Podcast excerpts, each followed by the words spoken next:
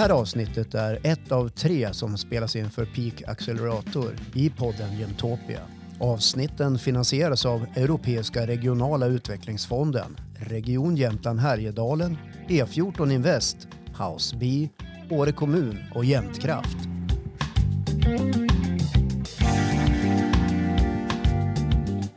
Ja, varmt välkomna till den här podden tillsammans med eh, oss på Peak Accelerator i Åre och vår eh, gäst idag som vi är så glada att ha här, Pia Sandvik som är VD på RISE, eh, Swedish Research Institute, eller Research Institutes of Sweden säger man. Ja. Eh, och vi sitter idag på KTH Campus, kan man säga, där ni har ett eh, kontor. Eh, varmt välkommen Pia. Eh, vill du berätta lite för de som inte vet det, vad är RISE i Sveriges ekosystem för innovation? Mm. Eh, jättekul att få vara med och kul att få att ni kommer här till RISE och hälsa på. Eh, RISE är en fantastisk verksamhet. Det säger säkert alla vd om sina verksamheter. Men vi har ett uppdrag att stärka konkurrenskraften för Sverige brukar jag säga. Men egentligen handlar det om näringslivet. Och vi ska också bidra till offentlig sektors förnyelse för att kunna stötta och öka konkurrenskraften för näringslivet. Då. Eh, och vi ska dessutom själva vara internationellt konkurrenskraftiga eh, som, som aktör. Då. Och det här gör ju vi genom att jobba med tillämpad forskning eh, och innovation. Eh, och, att och det gör vi baserat på industrins behov. Inte utifrån forskningens behov, utan verkligen vad, vad tror vi behövs där ute och i dialog med våra kunder och sådär. Och eh, vi har också stora testanläggningar där man kan industrialisera eller skala upp för att se att teknologi funkar. Vi eh, inviger i år sådana tre större anläggningar motsvarande ungefär 2,3 miljarder. Bland annat ett elektromobilitetslabb där man kan testa batterier och elektriska drivlinor och sådär. Och det är ju fordonsbolagen i Sverige som är med och, och gör den här satsningen och tillsammans med oss. Och sen så jobbar vi också, ett, har vi nu håller vi på att bygga ett stort säkerhetslabb. Där man ska kunna testa riktigt stora batterier. Och ni anar inte hur mycket eh, betong det går åt för att bygga en sån byggnad. För att verkligen säkerställa att det håller. För batterier kan smälla rejält om det vill sig illa. Sen bygger vi också eh, efter Norrlandskusten ett, ett bioraff. Där man då ska kunna använda bioråvara för helt nya saker. För att, för att producera läkemedel, nya material med mera. För att få bort, för att få ner fossil, för att få bli, skapa fossilfria processer helt enkelt. Och det här, de här är ju, och det här är exempel på sådana. Vi har otroligt många sådana anläggningar. Och det handlar ju om att industrin behöver ha stöd i att vi delar risk helt enkelt. Att de inte bygger upp de anläggningarna själv. Utan man kan då använda dem hos oss istället. Och så kan man ha en bredd och även små och medelstora företag kan få tillgång till de här. Och de här anläggningarna tillsammans med de 3000 medarbetarna som vi har på RISE, det är ju våra två absolut stora tillgångar. För hos oss jobbar ju forskare som är drivna av att faktiskt komma, forskare och andra medarbetare som är drivna av att få göra världen bättre. Därför att när jag sa att vi ska stärka konkurrenskraften så ska vi göra det genom hållbar tillväxt. Vilket gör att nästan allt som vi ägnar oss åt idag, det handlar verkligen om att skapa nya hållbara lösningar. Eh, och det är ju ett kittlande och stort och ansvarsfullt uppdrag. Eh, och man kan konstatera att bara på de åren som jag har varit VD sedan 2016 så har ju det här accelererat enormt. Eh, sen hur jobbar vi också med andra tjänster som är rena tekniska tjänster. Vi kalibrerar, vi, har, jobbar med, vi, har, vi certifierar eh, och vi har också akkrediterade metoder där man kan säkerställa så att man har ett kvitto på att det sättet som ett företag använder sättet i sin teknologi, det är också verifierat då hos oss att det är rätt metodik man använder. Just det, ISO-certifieringar? Ja, det kan det vara, men det kan också vara en ackrediterad provningsmetod för till exempel en kemisk analys eller sådär. Mm.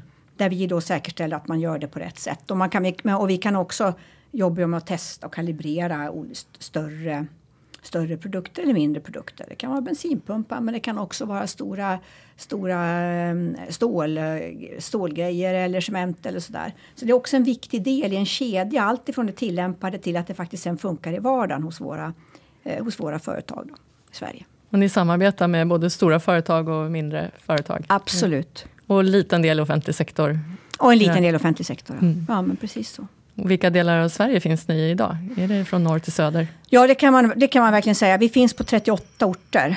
Uh, och det är ju allt ifrån Luleå i norr till Lund, Malmö i söder. Eh, så att det, vi är verkligen väl representerade regionalt. Och det ligger också i vårt uppdrag att också jobba med regioner och eh, finnas nära. Och, och, ja, och jobba med olika regioner på det sättet, med regional utveckling. Vi har dessutom bolag i Norge och i Frankrike.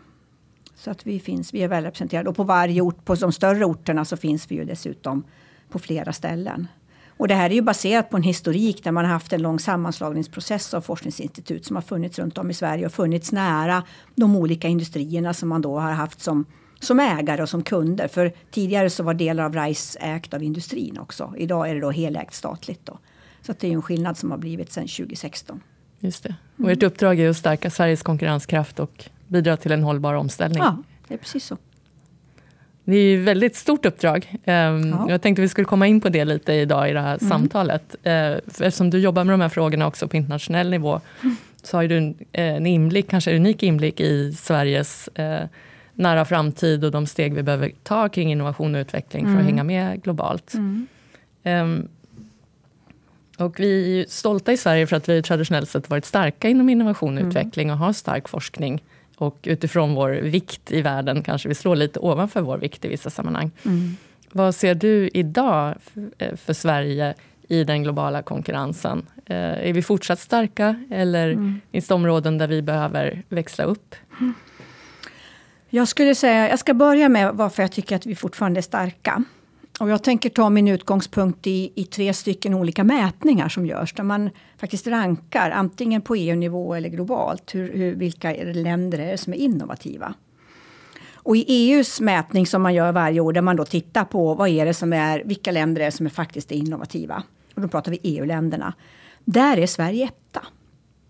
Och då lyfter man fram att vi är bra på att sampublicera mellan privat och offentlig sektor. Vi har, jobbar strukturerat med livslångt lärande.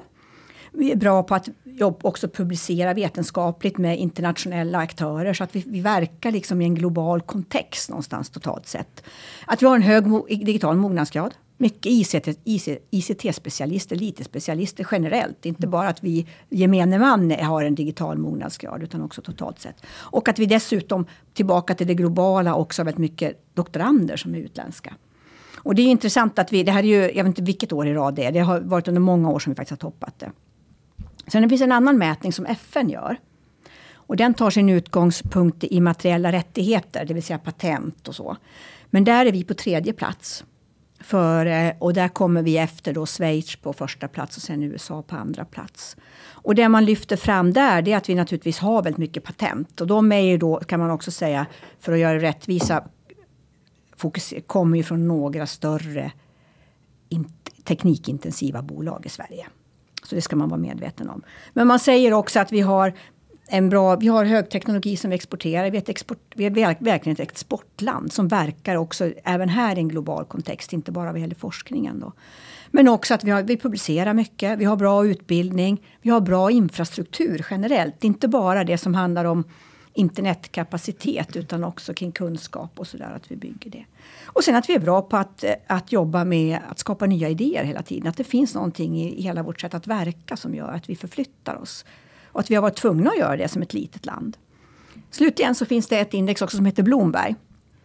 Och där är vi på femte plats. Före Sydkorea, och där är Sydkorea före Singapore men också Tyskland. Eh, och eh, där är det intressant att se att där pratar man, där mäter man då intensiteten av R&D, alltså forskning och utveckling. Men man tittar också på hur väl man, man agerar i, inom, inom produktion. Skapa värde i produktion. Och så hur, hur högteknologisk man är, intensiteten av högteknologisk verksamhet. Och sen är det forskning förstås. Och så patent även här. Och patent ligger i väldigt, väldigt tungt, tungt i det här indexet. Men där så pekar man också på att Sverige är väldigt starka inom alla de här områdena. Och att man kan konstatera från alla de här tre indexerna där vi får säga att, menar, att vara på topp fem när vi tittar i världen på tre sådana här index där man rankar varje år. Det säger ju att vi fortfarande har en stark position. Eh, och att vi har en väldigt stark påverkan trots att vi är så små. Och då kan man se vad är det faktiskt för styrkor generellt om man ska titta på som faktiskt gör att vi finns här. Då skulle jag säga att, att vi är det här lilla landet som någonstans har jobbat med teknologi men också har varit globala och levt på alltså vi har varit exporttunga under så lång tid. Det gör att vi har ju ständigt varit och sett var, var finns kunskapsfronten och teknikfronten någonstans och sett att ska vi vara med, då är det på den här nivån vi måste vara. Att vi har haft en förmåga att ta hela värdekedjor tror jag har betydelse. Allt ifrån från malmen som har blivit stål, som har blivit fordon, inom skogen till den råvaran, till vad, hur vi har vidareförädlat det, hur vi har hanterat vattnet, en, en, en, en, ytterligare en större råvara. Tillsammans sen också med att vi faktiskt har varit duktiga på att använda ICT tidigt.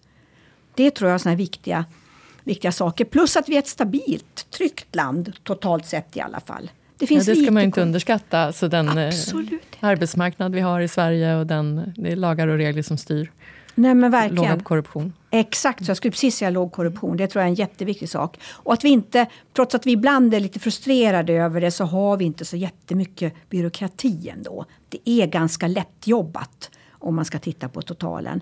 Och att vi också har bra statliga tjänster som är supportar. Alltså vi har en offentlig sektor som finns där och ändå i hög utsträckning verkar för att vi ska ha ett bra företagsklimat. Och sen att vi satsar mycket på forskning alltså per capita, så är det ju, vi är en av länderna i topp. Att vi fortfarande säger att det är viktigt med forskning och innovation. Att vi, vi, lägger, vi lägger mycket resurser på det. Och det visar sig vara gemensamt för alla de länderna som ligger i topp. Man mm. satsar mycket på det. Och sen har, är det så att man ska inte heller underskatta att, det, att vår historik gör att vi är ett intressant land att investera i. Att det finns mycket venture capital som kommer till Sverige och andra investerare för att man vet att det är här det händer. Um, och att um, det gör ju också gör ju möjligt för en del av de här innovativa företagen som är på en, har bör, precis börjat sin resa att också kunna få kapital för att kunna växa. Ja, man har ett bra mm. varumärke i, ja, men exakt med så. sig. Men hur ser du, hur mycket tror du det här är historien och hur mycket om man tittar tio år fram i tiden, vem mm. kommer sätta den globala agendan? Och är vi lite för tillfreds med att det här visar hur det kanske har varit i det förflutna? Ja, eh, det är ju ofta så gör man ju den här typen av mätningar också, att man tittar per capita. Och vi är ju som sagt var, vi är inte mer än 10 miljoner invånare.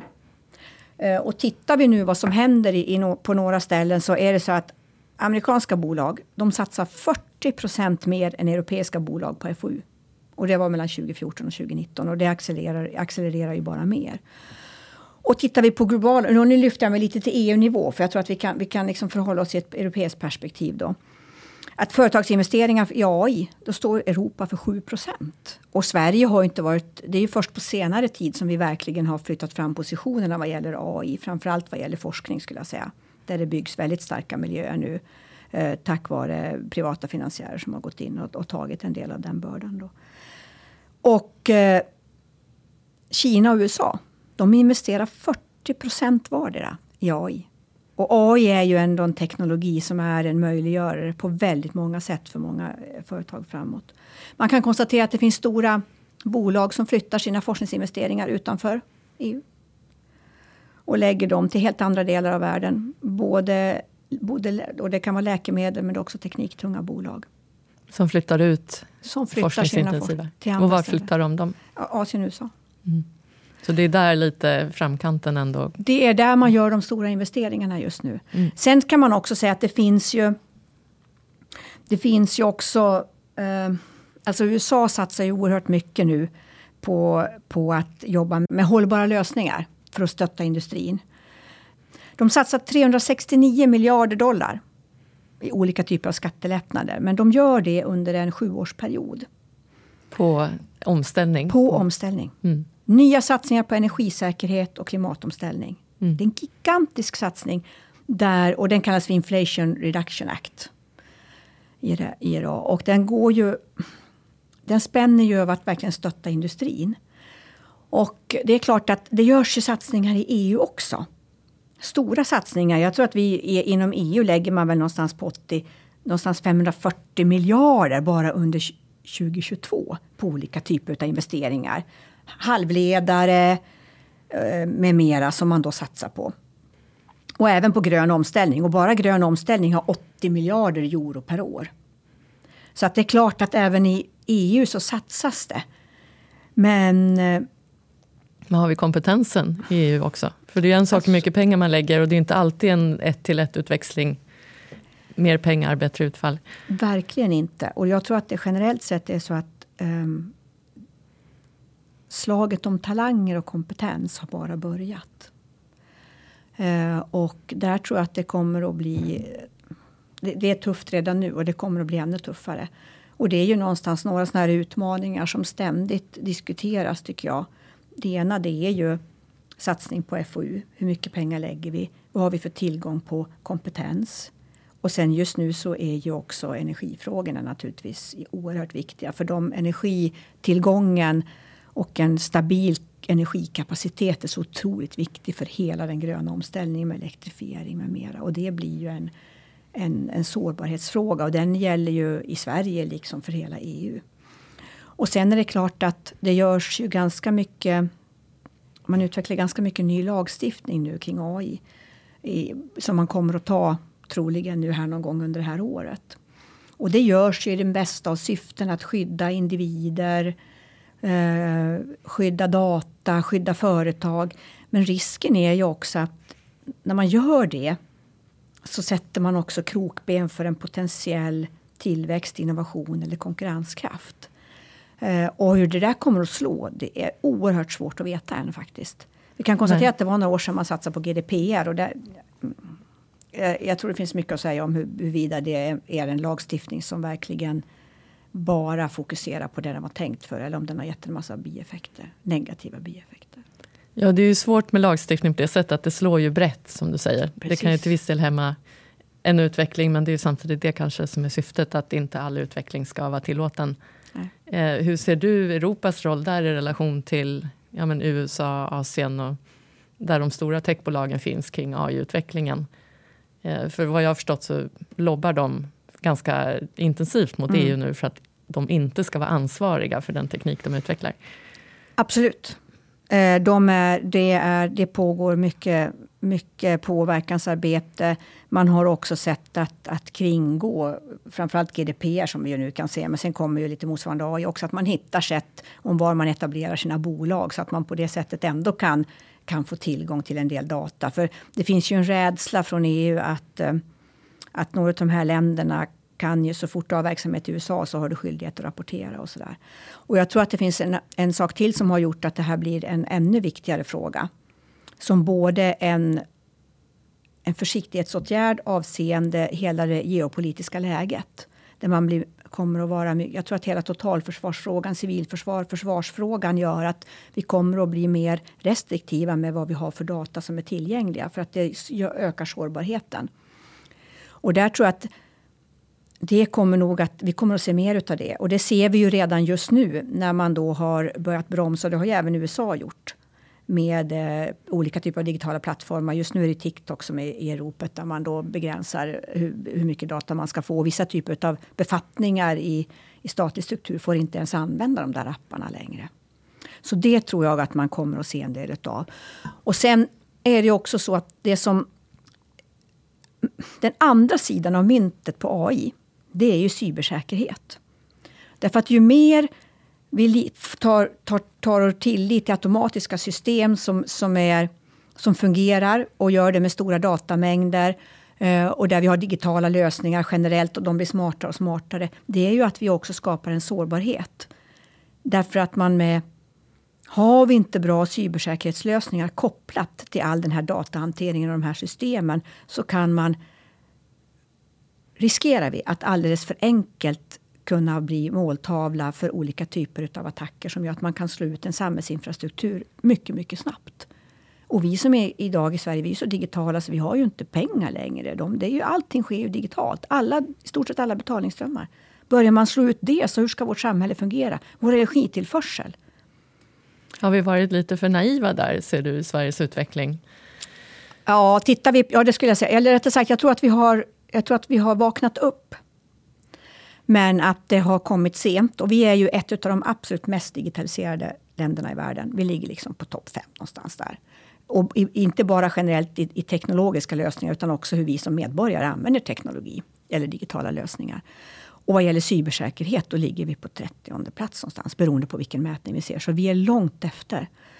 Och om vi nu har flyttat fram positionerna vad gäller AI i form av att det finns utbildning, breddutbildning, man har börjat använda med industriella tillämpningar och verkligen börjat på riktigt använda datamängder och försöka generera smarta system. Så, så har vi fortfarande knappt... Vi har, det finns bara en utbildning inom cybersäkerhet i Sverige idag som ges för, på, på universitet. En mastersutbildning. Så att vi är ju, där har vi ju, vi har ju ett kunskapsglapp som är stort i form av att det kommer ut personer ut från utbildningssystemet som kan det här. Och vi har också ett stort kunskapsglapp i vad företag och offentliga verksamheter kan om cybersäkerhet idag. Ja, beslutsfattares nivå av insikt kanske, vad konsekvenserna av Absolut. olika beslut. Ja, och så den på, sårbarhet som kommer. Ja. Ja, vad gör ni på RISE idag i de här frågorna? Försöker ni accelerera det? Den kompetensen? Ja, men absolut. Det gör vi. Dels så har vi ju, jobbar vi med en cybernod där vi har ett 150-tal företag som är med. Vi har också en cyberrange som ligger i, i Kista där man kan testa sina, te, sina teknologiska lösningar. Man kan skapa digitala tvillingar och se hur, hur, väl, hur väl klarar de av att stå emot attacker och sådär. Och där Eh, och man kan också titta hur man fungerar i en gruppering, en, i en ledningsgrupp eller i en gruppering som ansvarar för de här lösningarna om någonting händer. Hur snabbt kan man gör, skapa redundans? Hur snabbt kan man, hur skapar man motståndskraft? Och vi jobbar då med etiska hackare också som går in och tittar i olika system för att mäta sårbarhet, men som gör det med ett gott syfte för att de ska kunna förbättras. Då. Sen så apropå det här med utbildning så har vi ju nu också tillsammans med med KTH, med Försvarsmakten och delvis med MSB nu startat ett cybercampus där man då ska både jobba med grundutbildning eh, men också mycket med att, att utbilda olika typer av organisationer som behöver ha mer utbildning.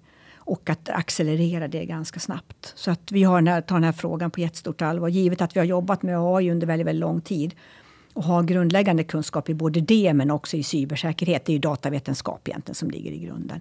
Så har vi, vi byggde vår cyberrange redan 2019. Men vi fick, sen kom corona så att vi har verkligen, det är inte först slutet på ja, för förra året som vi verkligen på allvar kunnat börja jobba med den och verkligen låta andra komma och besöka vår range. Just det.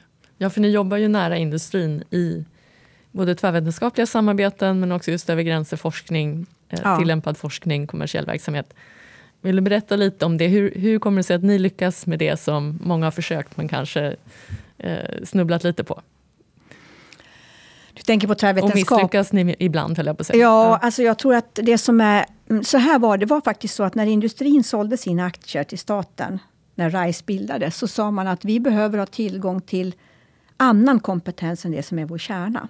Och där kanske digitalisering är en av de viktigare frågorna då, som man behövde ha tillgång till. Men det var också generellt. Och vi har ju vi har ända sedan vi startade 2016 i det här nya formatet som institut så har vi jobbat med, alltså vi har en inbyggd, inbyggd tro om att innovation sker i gränssnitten mellan olika kunskapsområden. Eller vetenskapliga områden. Och när de får komma samman och verka, då händer det nya saker.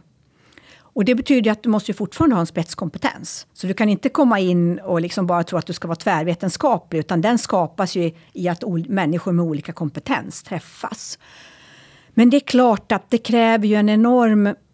Dels så kräver det incitament för att man ska vilja göra det. Och också i form av att det kanske behövs en lösning någonstans där man inte klarar den själv. Men sen krävs det också en väldig respekt för olika kunskaper. Och att man behöver förstå, aha, om man jobbar med ett sånt material, då tänker man så där. Eller om man jobbar mot den där typen av industri, då har man den där traditionen med sig. För branscher verkar väldigt olika. Och att verkligen vara öppensinnade kring det där. Och det är klart att det kräver, jag skulle säga att det, det, kräver ett ständigt arbete. För det självklara är att om man jobbar, även om man jobbar med tillämpad forskning och utifrån industrins behov, så vill man ändå förstå ännu mer av det egna. Ja, det är ju målet för kanske forskarsidan då framförallt. Absolut så. Som inte bryr sig så mycket om om det fungerar på marknaden. Nej, generellt. Men, då, men våra forskare gör ju det. De är mm. verkligen dedicerade till det. Men det är ändå, och det är också dessutom så att de man jobbar ihop med kan ju också vara väldigt fastlåsta i sina strukturer. Och tro att ja, men det kan inte finnas någonting att lära från någon annan. Men det man kan konstatera tycker jag är, är att ska vi klara av den här hållbara omställningen och fortsatt ha en tillväxt, då kommer vi inte att klara det med mindre att vi jobbar på ett helt annat sätt med ett mycket större systemperspektiv. Och det gör att vi har ju traditionellt mest ingenjörer i vår verksamhet. Men nu har vi börjat, vi har börjat anställa jurister som förstår miljöfrågor, som har jobbat i miljödomstol. Vi anställer forskare som, som, har, som, som tittar på förändring ur ett systemperspektiv. Där många aktörer, då pratar vi inte att olika teknologier ska mötas. Då handlar det om att det kan vara en stad som ska träffa industri. Och hur ska man få ihop en samhällsplanering? Och, eh, och sen dessutom kanske sådana som jobbar med energitillförsel. Där man, alla aktörerna måste sitta kring bordet och jobba ihop för att det här ska vara möjligt. Ja, det är intressant de här just fastlåsta strukturerna som du nämnde. Vad, vad ser du, när lyckas ni liksom komma igenom den typen av hinder? Eller när är strukturerna för låsta för att det ska gå? Eh, jag tror att man, det är väl enklast att kanske prata om när man lyckas. Eh, eller rättare sagt, det är roligare i alla fall. jo, jag tror att det handlar om att man ser att man har, ett, man har verkligen ett, ett viktigt mål som man behöver lösa. Och att om inte jag bjuder till för att hitta en lösning, en gemensam lösning, då kommer inte jag heller att lyckas. Och att när den drivkraften blir så stark så att den överbrygger den egna viljan att bara ägna sig åt det jag tycker är viktigt. Då, han, då händer det. Mm. Så målet behöver vara så brännande viktigt? Att det... För alla. Mm. För Precis, alla. Mm. exakt så. Att man klarar det inte själv. Mm. Då tror jag, då blir det väldigt påtagligt. Um, men eh, det jag, jag, säger det, det kräver ju mycket av Både utav vad ska man säga, strukturen som hur man jobbar, men också utav de som faktiskt finns och verkar i det. Att man är väldigt, man behöver ha både tillit och förtroende, som ju vi är kända för i Sverige, men också att faktiskt våga gå utanför och tänka utanför sin egen liksom, comfort zone. Mm. Mm. Ja, och det är ju lite av kanske signumet ändå, man jobbar med innovation, att man är ganska ofta utanför sin comfort zone. Ja. Och det är där det nya finns. Mm. Eh, och ni jobbar ju mycket både med forskare internt och med universiteten. Mm. Eh, och jag har i tidigare lunchsamtal lyssnat på dig och då slog det mig hur du pratade om just att en organisation måste alltid vara i rörelse. Mm. Annars blir det stagnation. Mm. Och då tänkte jag spontant inte på akademin kanske, som en sån institution som är i ständig rörelse. Men hur ser du på universitetens roll framåt i det här ekosystemet? Mm. Eh, och ser ni att universiteten eh, tar steg framåt? Jag ska nämna det också, att du är ordförande i styrelsen för KTH, mm. där vi sitter idag. Mm. Så du leder ju ett stort och viktigt tekniskt universitet i mm. Sverige. Just det. Mm. Vad, ja, vad nej, jag, tror, jag, tror, jag, så här, jag tror att universitetens roll är otroligt viktig. Och den är viktig baserat på på två, två saker som det är deras kärnuppdrag egentligen. Men det handlar om hela kompetensförsörjningen. Att se till att vi har, för jag skulle säga att vi utbildar, om man då tittar på KTH, så vi utbildar bra civilingenjörer. Sverige utbildar bra civilingenjörer. Det måste vi fortsätta att göra. Och den utbildningen måste, behöver utvecklas i takt med att ny kunskap kommer in. Apropå det här nu med cybersäkerhet och att datavetenskap nästan blir någonting som man behöver kunna oavsett vilken ingenjörsutbildning man går. Um, och dessutom så är det ju forskningen. Och jag tror att eh, jag, kan, jag kan ändå skönja att det finns en... Alltså jag tror det är, viktigt att, det är viktigt att värna om de akademiska värdena, att man har, man har ett oberoende någonstans. Jag tror att det, det är viktigt för trovärdigheten. Men jag tycker mig se en, en riktningsförändring med att man mer och mer ändå tittar på vad är det faktiskt för samhällsutmaningar vi har.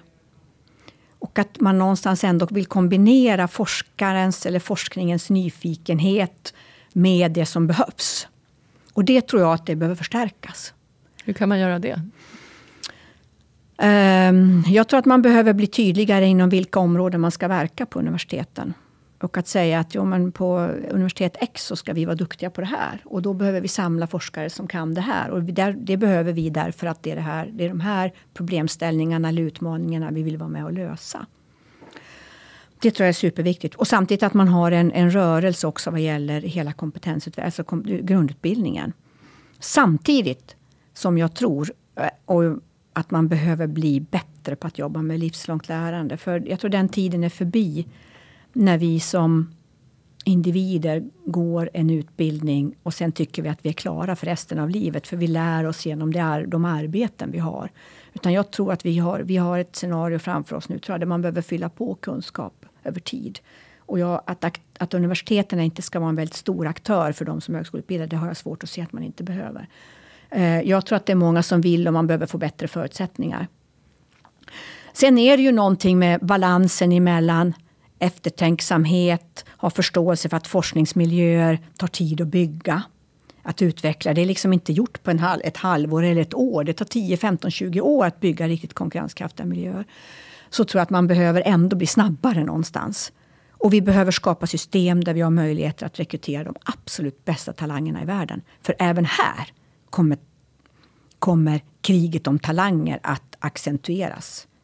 Och har accentuerats, men det kommer bara att öka tror jag. Ja. Mm. Det, och du har ju också även jobbat mycket i norra Sverige. Mm. Du har mm. jobbat med Luleå tekniska universitet mm. och deras omvandling. Mm. Du var ju på Mittuniversitetet. Eh, vad ser du potentialen här i liksom norra delarna av Sverige och, och det som händer kring utvecklingen och omställningen där? Eh. Alltså den är ju, för det första så får man ju bara säga att den är ju fascinerande, apropå att, att Sverige är ett innovativt land och går före. Att vi faktiskt ger oss på en del av det som är vår grundläggande och vårt, våra grundläggande material och titta på hur kan vi faktiskt bidra till att få ner, få ner och få det fossilfritt eller grönt. Och att ha ett stål som faktiskt inte har en, ett footprint. Utan verkligen är, det tycker jag är, det är superhäftigt. Och det som är intressant med det här, det är för att det är stora etableringar. Och det är ju, apropå systemperspektivet. Det här är ju, man har kommit lite olika långt. Vissa fabriker är ju på väg, byggs ju redan idag. Om vi tittar på, på i Skellefteå till exempel med Northvolt. Där tillgången på kompetens är oerhört viktig. Man behöver attrahera kompetens från hela världen. Och det antalet nya medarbetare som ska komma till Northvolt som blir nya medborgare i Skellefteå. Det ställer ju om hela staden. Vilket gör att det räcker inte att man tittar på att det ska rekryteras till Northvolt, att de behöver ha behov av av kompetensförsörjning och, och forskning och sådär. Utan det är en hel stad som ska ställa om. Och om inte de här går i takt så kommer inte det här att fungera. Därför att det kommer så många nya eh, och det kanske är så att man också får, man får människor som rör sig mellan organisationerna internt. Och man riskerar att ha en samhällsinfrastruktur som inte fungerar. Med för att det går så fort? För att det går så fort. Med sjukvård, skola. Eh, och med överhuvudtaget infrastruktur med bostäder med vägar med mera. Och det gör att här kommer det liksom inte att fungera om inte det här går hand i hand. Dessutom har vi den andra frågan kring energiförsörjning. Där vi ju har en, en situation redan idag som är problematisk vad gäller, vad gäller framförallt inte bara energitillgång men också energipriser. Som gör att saker och ting blir annorlunda. Och det är ju, varenda region sitter och tittar på det här och konstaterar att det är en fördubbling av energibehovet på tio år. Därför att elektrifieringen kräver det. Men det som är så intressant är att det händer. Och jag tror att man kommer att lösa de här problemen. Men det kräver verkligen en samverkan på en helt ny nivå. Och det kräver ju också att universitetet, universiteten, Luleå tekniska universitet men också Umeå universitet ställer om och är med och bidrar i den här kompetensförsörjningen på ett helt nytt sätt. Och kanske också med forskning kring stadsomvandling, samhällsomvandling som behöver ske med ett tempo som vi inte har sett tidigare. Ja, det är ett samarbete som ni är bra på då, mellan olika aktörer Ja. Som vanligtvis traditionellt har kanske haft olika mål. Ja men faktiskt. Och det är ju jätteintressant för vi jobbar ju ihop eh, i Skellefteå nu kring ett, ett center som heter Arctic Center for Energy. Och där jobbar ju vi ihop från RISE med Luleå tekniska universitet, med Skellefteå kommun, med Skellefteå kraft och med Northvolt. Och det här påbörjades ju just med anledning av den stora omvandlingen som, som sker. Och att aktörerna som då kan vara med och bidra på olika sätt, har behov och kan vara med och bidra, samverkar.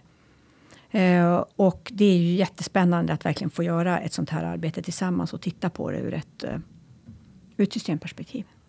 Ja, verkligen. Mm. verkligen.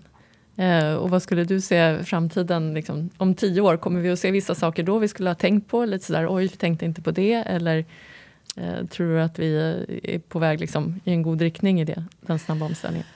Eh, jag tror att, eh, jag kommer tillbaka till det här att jag tror inte att man hade eh, så tydligt uttalat behovet av en total omvandling.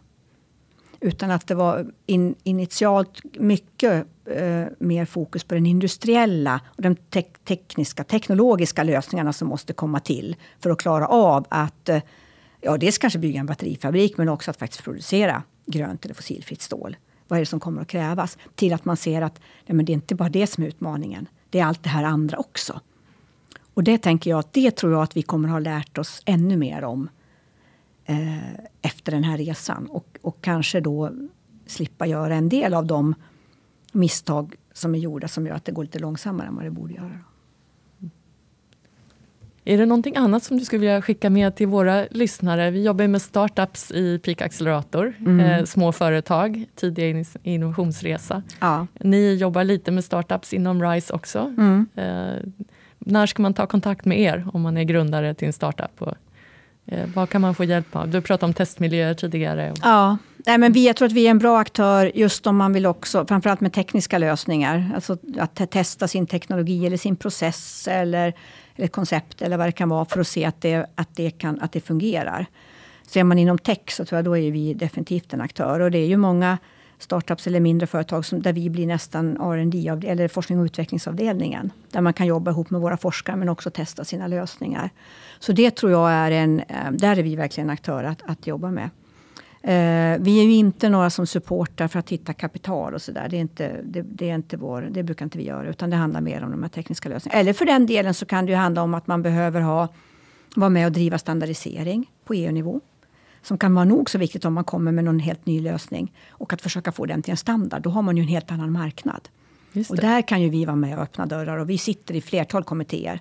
De stora tunga techbolag, techbolagen i Sverige idag, de är, ju, är där själva. Men de här nya, de kan, har ju inte den accessen på det sättet. Och där brukar vi vara en aktör som kan vara med och påverka också. Är det någonting annat som vi inte har varit inne på som du skulle vilja skicka med? Nej, jag skulle vilja säga att jag tycker att vi eh, ska vara stolta över vad Sverige åstadkommer. Att vi är internationellt konkurrenskraftiga, vi är innovativa. Men att vi behöver fortsätta satsa. Och jag skulle ju önska att man någonstans... I Finland så har man ju skakat hand mellan industri och stat om att man ska lägga 4% på forskning framöver av BNP. Jag tror att vi behöver vara där och kanske ännu högre. Och där behöver vi påverka hela EU. För det tror jag är det största hotet, att vi halkar efter. Att vi inte får forskning och utveckling som, som verkligen är med och stärker på rätt nivå av insatser. Eh, men också med rätt inriktning för att verkligen vara med och fortsätta vara konkurrenskraftiga jag är rädd att det går lite för långsamt för oss. Stort tack för att du var med eh, i vår podd och eh, tog den här tiden och delade med dig av din kunskap och din inblick i innovationssystemet. Mm, tack så mycket. Tack, det var trevligt att prata med dig. Ja, tack. Mm. Håll gärna utkik efter vårt nästa poddavsnitt i den här serien från Peak Accelerator. Det kommer att spelas in på vår hemmaplan i Åre och vår gäst då är en av Sveriges främsta experter när det gäller att ställa om stora företag till ökad hållbarhet. Hon heter Sofia Leffler Moberg och är director för ESG på Pricewaterhouse.